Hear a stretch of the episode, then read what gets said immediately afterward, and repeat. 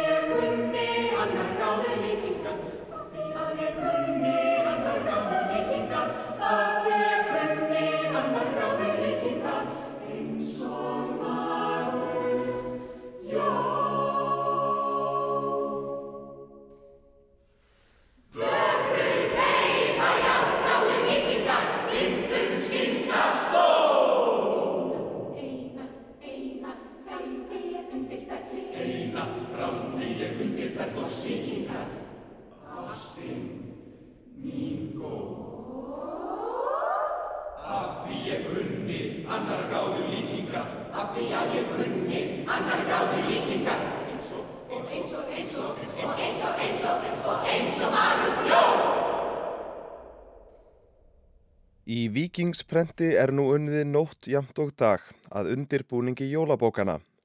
Hjá Víkingsútgáfunni og þeim forlögum öðrum sem þar hafa aðsetur eru í undirbúningi útgáfur sem vekja munu aðtikli alþjóðar og valda deilum og umróti.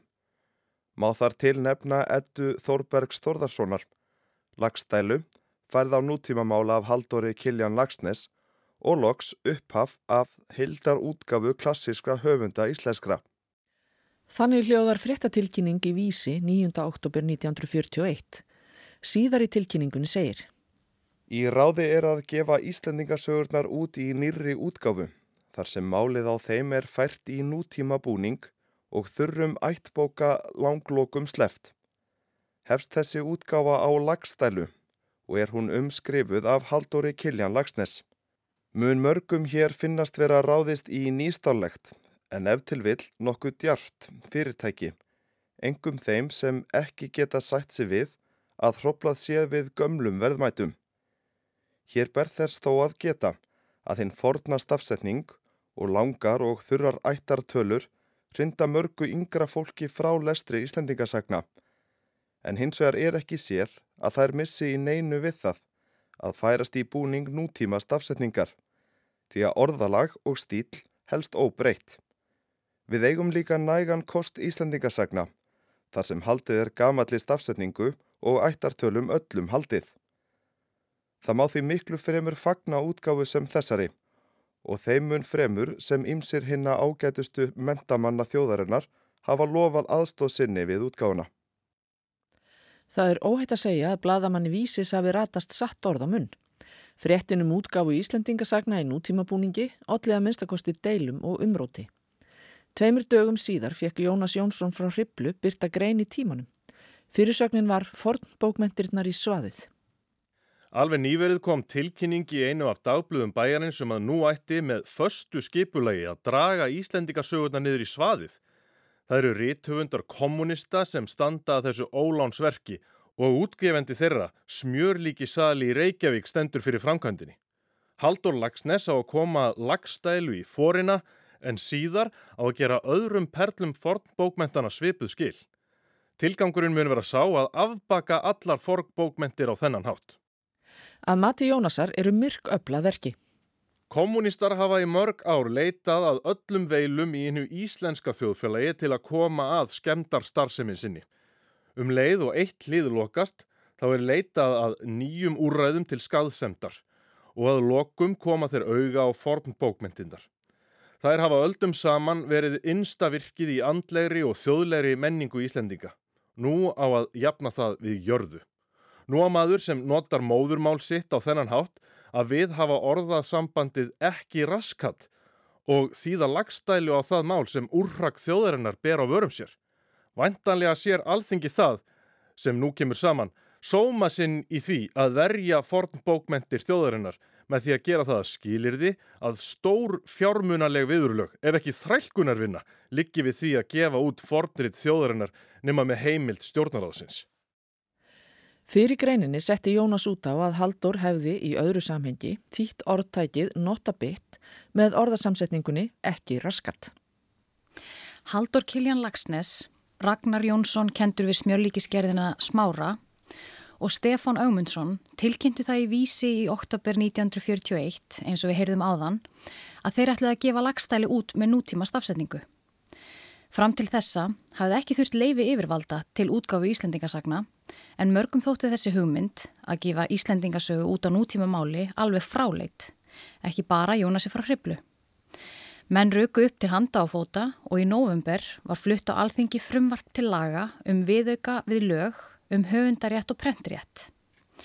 Með viðaukanum átti að koma í veg fyrir að smjörlíkis karlar og aðrir ólærðir menn gæfi út forn íslensk ritt og binda í lög að útgáfa þeirra skildi vera með samræmdri stafsetningu fornri.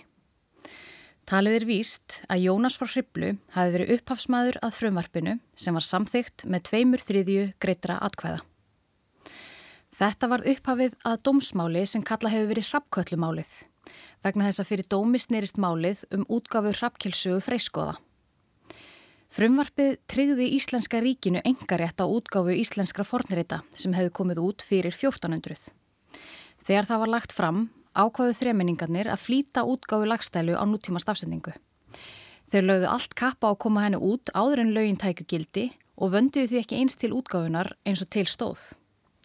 Meðal annars var hægt við að hafa hana myndskreita. Stafsetning á handreitum að íslensku fornreitunum er mjög óregluleg því hér á öldum áður voru engar stafsetningarreglur. Samræmt stafsetning forn er sem sagt tilbúin stafsetning sem notuð var í útgáfum fornreitana og henni var ætlað að auðvelda fólki í lesturinn án þess að erði gengið svo langt að notu erði nútíma stafsetning. Haldur Guðmundsson reyfar rappköllumálið í kabla í æfisögu Haldur Slagsnes. Haldur hefur kaplan á þeim orðum að meðan þjóðir heims bárust á banaspjót hafi Íslendingar háð stríð um stafsetningu og setur þetta sérkennilega mál þannig í áhugavert samhengi. Hann bendir á að það hafi ekki verið ný hugmynd hjá Haldóri Lagsnes að gefa Íslendingasögurnar út með viðurkendri nútíma stafsetningu. Haldur hafi verið mjög gagnríninn á Íslendingasagna útgáfu hins Íslenska fornritafélags með samramdri stafsetningu fornri sem hóst 1933. Hann mótmælti þessari aðferð við útgáfuna og benti í bladagrein á að höfundar fortsagnana hefðu ekki nota samræmda stafsetningu. Sú stafsetning sem málfræðingar hefðu sóðið saman á 19. öld stæði fornritunum ekkert nær en stafsetning íslensks nútímamáls. Hann saði að það væri þörf á tvennskonar útgáfum, annars vegar vísindarlegum stafréttum útgáfum eða ljósprentunum og hins vegar lestrarútgáfum handa almenningi. Og í þessari grein frá 1935 um stafsetningu á fornritum segir Haldur. Fornmenn skrifuðu málið með sinni stafsetningu. Við skrifum sama málið með okkar stafsetningu. Útgáfur fornritana eiga að fylgja þeim breytingum sem stafsetningin tekur um leið og tímarnir líða. Því aðeins halda þau áfram að vera ný og levandi fyrir íslenska lesendur öld fram af öld. Það er fjandskapur við fornbókmentir vorar að setja þær af stafsetningar ástæðum utan við lifandi réttmál þjóðarinnar eins og það er á hverjum tíma. Samrænda stafsetningin, þetta kvimleiða málfræðilega Esperanto, hrindir lesendum frá sögunum eins og allar dauðar reglur hljóta að gera. En með eðlilegri stafsetningu verður hverjum manni augljóst sem les að sögustýlinn er ekki dauður bókstafur, heldur okkar eigið mál sem við notum þann dag í dag, fagurt og levandi nútíma mál. Samræmt stafsetning forn er stöðlun sem tekur mið af uppruna. Haldur Lagsnes tekur dæmi í greininni frá 1935 sem segja má að marki upphaf stafsetningarstríðsins og sínir upphafið á Íslendingabók Ara Fróða sem er talin samin á árunum 1122 til 32 á þrennan hátt. Með nútíma stafsetningu, með stafsetningunni eins og hún er í fornum handritum og með samræmdri stafsetningu fornri sem Haldur kallar samræmdu stafsetningu málfræðingana. Fyrsta málskrein Íslendingabókar á nútímamáli væri samkvæmt þessu Íslendingabók gerði ég fyrst biskupum vorum, Þorláki og Kalli og síndi ég bæði þeim og sæmundi presti. Þetta er allt eins og við nútíma fólk eigum að venjast, stafsetning með hefðbundnum hætti. Í fornum handritum er orðið Íslendingabók ritaði tveimur orðum og bók er með séi, B-O-C. Í samræmdri stafsetningu fornri er orðið Íslendingabók í einu orði og bók með kái. Það sem í nútímamáli er ritað gerði er í handritum görða með þotni. Í samræmdri stafsetningu fornri er orðmyndin görða með eði. Það sem er í nútímamáli ég er í handritum EC en með samræmdri stafsetningu EK. Og svona heldur Lagsnes áfram og tilfærir fyrstu línur hinnar fornu Íslendingabókar með þrennum hætti. Hann vill að þessu málfræðinga brauki sér hætt Samræmt stafsetning forn sé jafn frábröðin stafsetningu hinna gömlu handrita og stafsetningu íslensks nútímamáls. Vangaveltur Haldós Guðmundssonar í æfisögu Haldós Lagsnes um bakgrunn hrappköllumálsins eru áhugaverðar. Hann bendir á að á þessum tíma hafi orðið örar breytingar á samfélaginu og þær hefði ekki verið í þá átt sem Jónas og margir aðrir hugssjónamenn millistriðs árana hafðu hugsað sér. Þeir hafi leitað að verðmætum, einhverjum íslenskum kjarnar, sem mætti forða undan síðleysi nútímans. Hann telur að þingmenn hljóti að hafa hugsað eitthvað í þess átt því annars sé íll skiljanlegt að tveir af hverjum þremur þingmennum, það er framsóknarmenn og stór hluti sjálfstæðismanna, skuli hafa stutt fornrita frumvarpið. Haldur Guðmundsson bendir á, eins og fleiri hafa gert, að Haldur Lagsnes hafi staðið nærri þeim fræðimönnu sem kendir eru við Íslenska skólan. Þeir lítu á sögurnar sem verk skapandi listamanna og höfnuðu ríkjandi hugmyndum um sagfræðilegt gildið þeirra svo sem Sigurði Nordal, sem bóðaði í riti sínu frá 1940 að Hrafnkalla væri skáldsaga frá upphafi til enda. Jón Karl Helgason gerir ítarlega grein fyrir Hrafnkallumálinu í bóksinni Hetjan og höfundurinn sem kom út 1998. Hann telur að lagstælu útgáfu Vikingsbrents hafi gagngert verið beint gegn útgáfu fornritafélagsins á Íslendingasögum á samaræmdri fornri stafsetningu sem Haldur Lagsnes hafi gaggrind. Þetta segir Jón Karl að gangi þó þvert á þá skoðun sína að Haldur hafi verið einn aðili íslenska skólans. Því að rítröðin íslensk fordrit sé jafnantalin vera en helsta afur þess skóla sem meðal annars gerði ráð fyrir að fordritin væri höfundarverk fremur en arfsagnir. Aftur á móti, segir Jón Karl, hafi íslenski skólinn aldrei verið skilgreindur með hliðsjón af þeim stafsetningarreglum sem meðlimir hann stuttust við í útgáfustarfi sínu. Hann segir í hetjunni og höfundinum að moldviðrið sem fornrita útgáfa Haldós Lagsnes vakti hafi gert mönnum óhægtum vik að sjá tengslennar við kenningar íslenska skólans.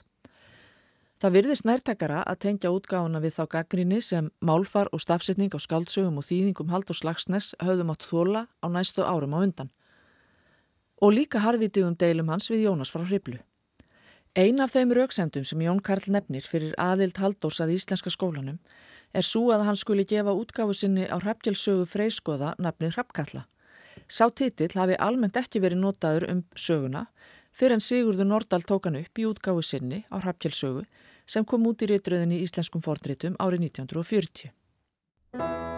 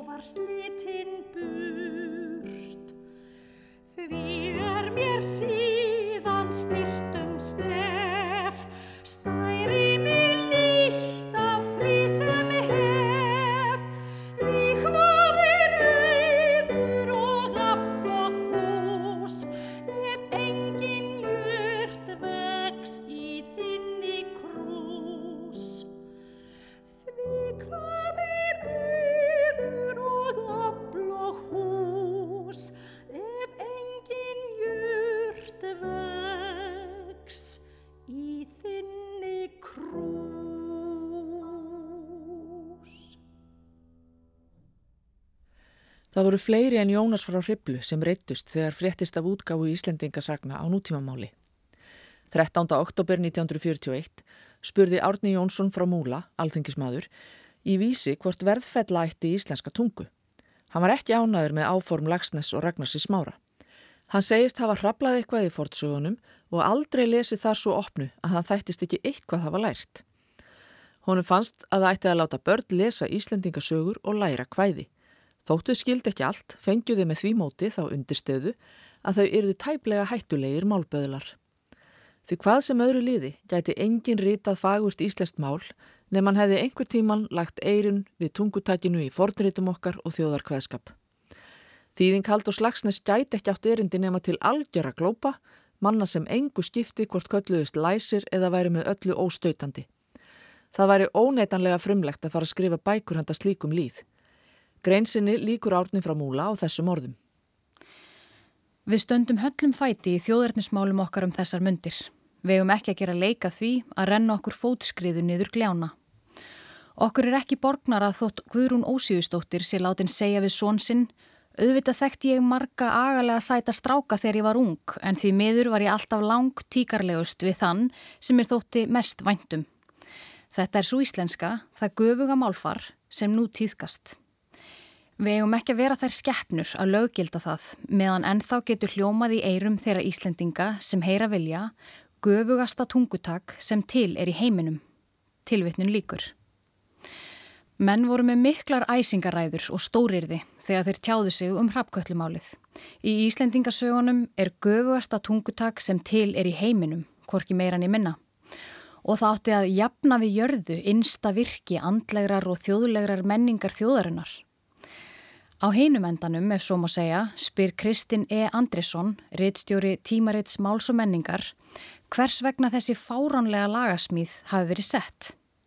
Þetta var árið 1943, skömmu áður en dæmt var í hrappkvöllumálinu í hæstarétti. Það skildi engin vera svo fávís að halda að slíkt hafi verið gert vegna Íslendingasagnana. Það lág engin slík hugsun að baki. Laugin voru ekki heldur sett til verndarnitni stafsetningu Þau áttu einn tilgang og engan tilgang nema einn.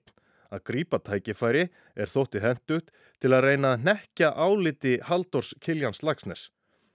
Einhver kjánaleg auglýsing hafi byrst í vísi á þá leið að Haldur ætlaði að gefa út lagstælu á nútímamáli. Árni frá Múla gein við þessari flugu, ritaði æsingagrein í vísi án þess að vita nokkur hlutum útgáfina og byrjaði sjálfur á smerklegum þýðingum á setningum úr lagstælu á Reykjavíkurmál. Hinnum frægu orðum Guðrúnar Ósífustóttur, þeim var ég verst sem ég unni mest, snýri átni þannig, þeim var ég tíkarlegust sem ég var skottnust í og gerði haldóri því upp þennan útúrsnúning. Þetta var matur fyrir Jónas frá Hriblu, nú skildi komið fram hemdum við haldur.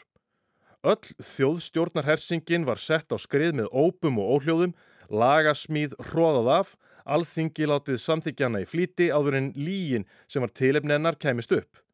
Árni frá Múla sem yðraðist frumhlöpsins reyndið að malda í móin en þingmenn flýði út í hliðarherbyggi til að þurfa ekki að hlusta á hann skýra frá því að þetta hefði verið tóm vitlesa í vísi um þýðinguna á lagstælu en komið svo inn þegar hann hefði lokið máli sínu til þess að flytja æsingaræður út af mistinningu sögunar byggður á uppspunanum í vísi sem átni hafi verið að bera tilbaka. Þannig urðu þessi skrælingjalög til. Laugin geta aldrei hindrað að Íslandingasögurnar verði gefnar út á þann hátt er best sannar æsku landsins. Að þær séu aðgengilegur lifandi skálskapur á því máli er við tölum í dag.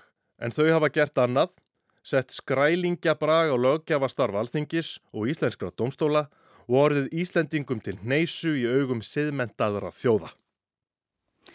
Á titilblaði Rappköllu, útgáfu Rappkjölsögu freiskoða, stendur Rappkalla, Haldur Kiljan Lagsnes gaf út með lögbóðinni stafsetningu Íslenska ríkisins, Reykjavík 1942.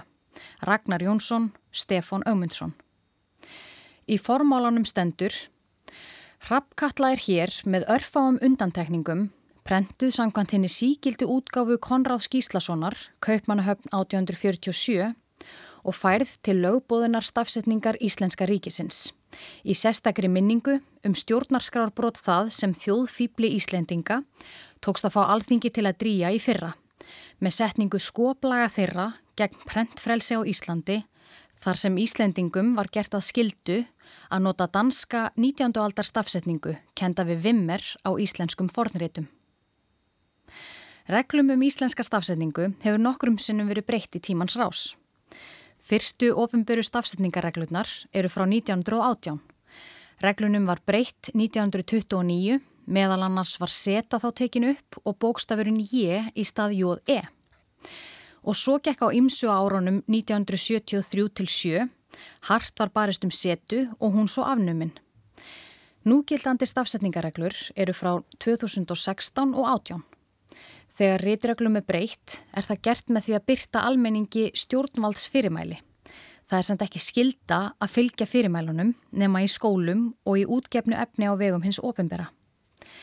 Þetta eru eins konar vinnureglur eða hlutlust viðmið í kennslu og útgáfu efnis hverskonar og kemur að gagni til dæmis þegar prenta á texta og í fjölmiðlum og í allri rafrætni leitt.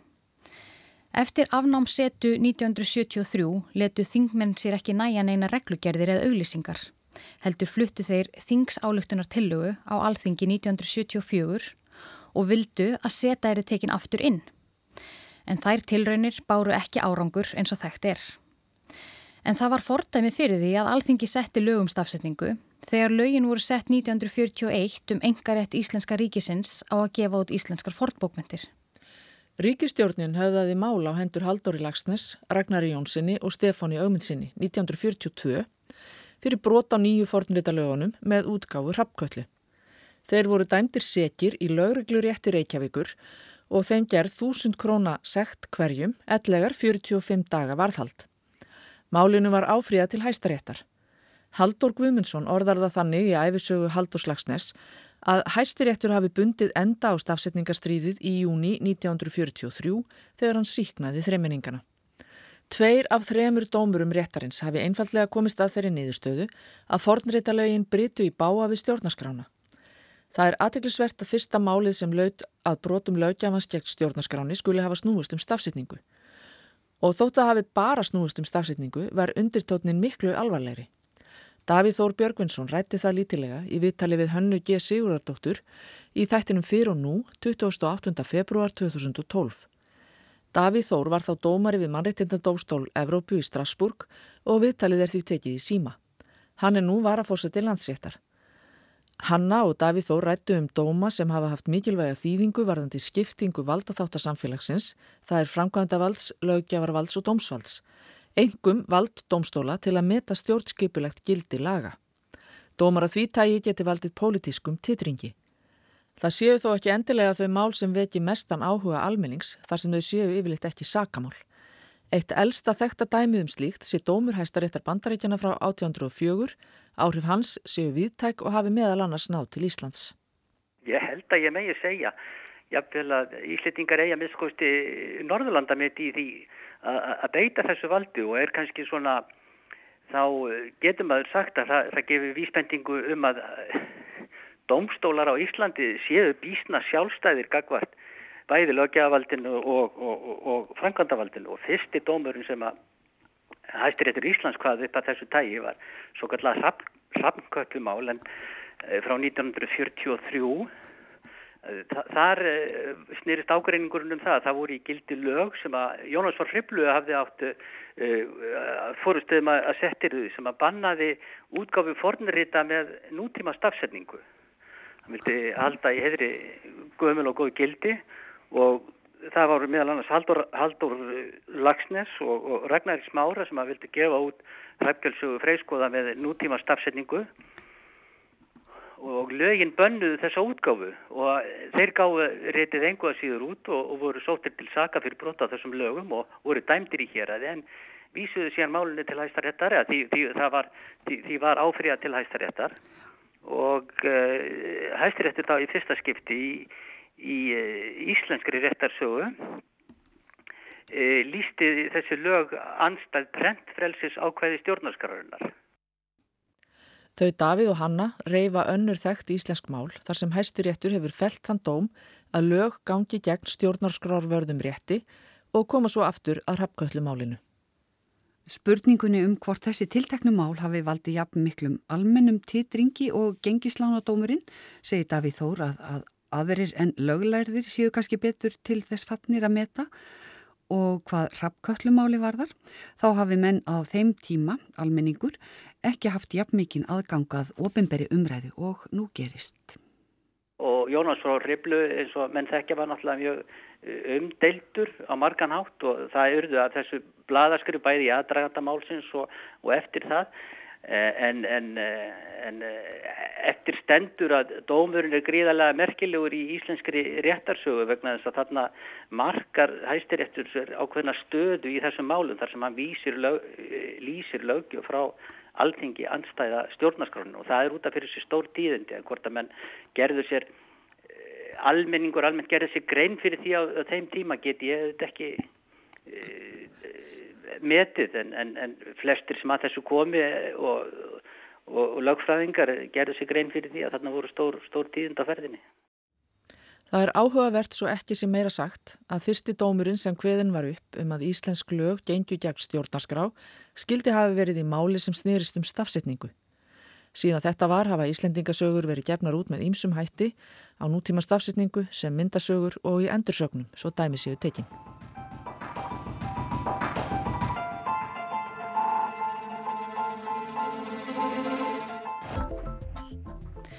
Þú varst að hlusta á orð af orði. Við rifiðum upp hrappköllumálið þegar Íslendingar voru í stafsetningarstríði á síðum bladana, á alþingi og fyrir domstólum á tímum setni heimstýraldarinnar. Lesarar voru Birgir Þór Harðarsson og Bjarni Rúnarsson. Tæknimaður var Litja Gretarstóttir. Í upphafið þáttar söng Hamrallíðarkórin Ljóð Haldórslagsnes Vögru hleypa Járngráur Vikingar við lag Gunnars Reynis Sveinssonar. Þorgerður Ingólfsdóttir stjórnaði. Sigrún Hjálmtísdóttir söng annaði ljóð Haldórs, Stríðið. Lægið er eftir Jóhann G. Jóhansson sem leik á piano. Anna og Guðrún Kveðja.